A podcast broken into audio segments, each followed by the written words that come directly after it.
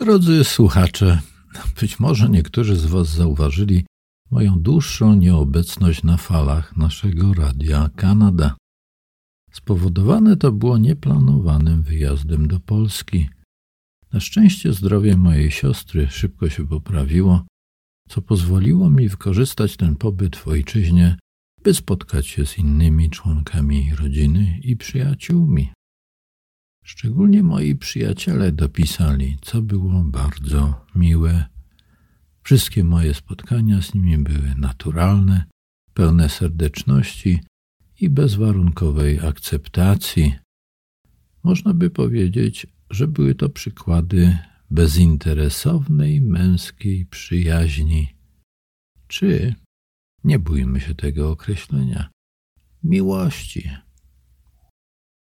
Wyjazd ten dał mi też okazję, by odwiedzić dzielnicę Katowic o nazwie Koszutka, w której wyrastałem. Zobaczyłem przedszkole, do którego przyszło mi chodzić, podwórko, które było światem najfantastyczniejszych zabaw, szkołę podstawową, boisko, gdzie grałem w piłkę, czy stadion, na którym ścigałem się z innymi. Odwiedzając wszystkie te miejsca, zaobserwowałem u siebie lekkie uczucie smutku, nie do końca dla mnie zrozumiałego.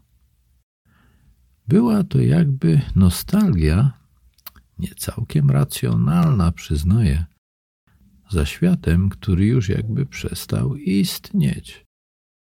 To znaczy fizycznie niewiele się tam zmieniło. Może tyle tylko, że odnowione budynki wyglądały lepiej niż jak ja je pamiętałem.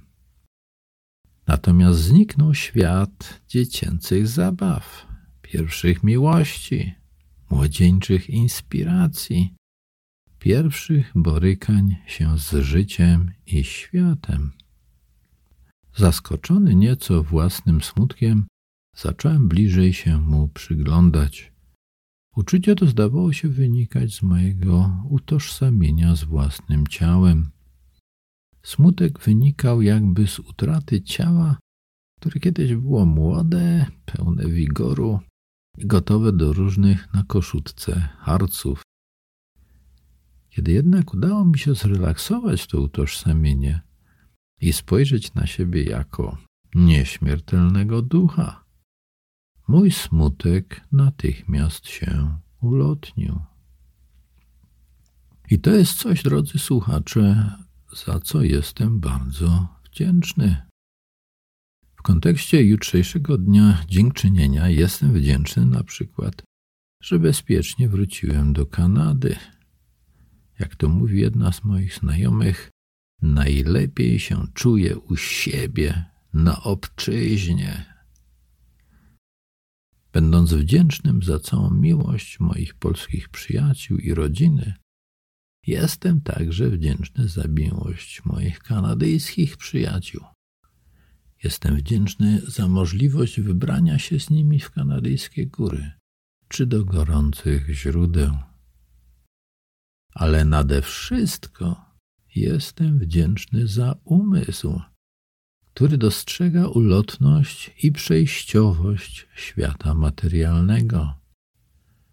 Jestem wdzięczny za umysł, który rozumie nierozsądność utożsamienia się z własnym ciałem.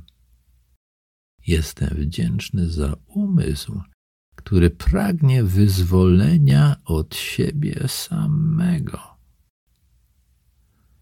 Drodzy słuchacze, Uzyskanie wyzwolenia jest, jak twierdzi Haidakan Babaji, najwyższym osiągnięciem człowieka. I to właśnie tego wam i sobie przy okazji tego pięknego dnia dziękczynienia życzę.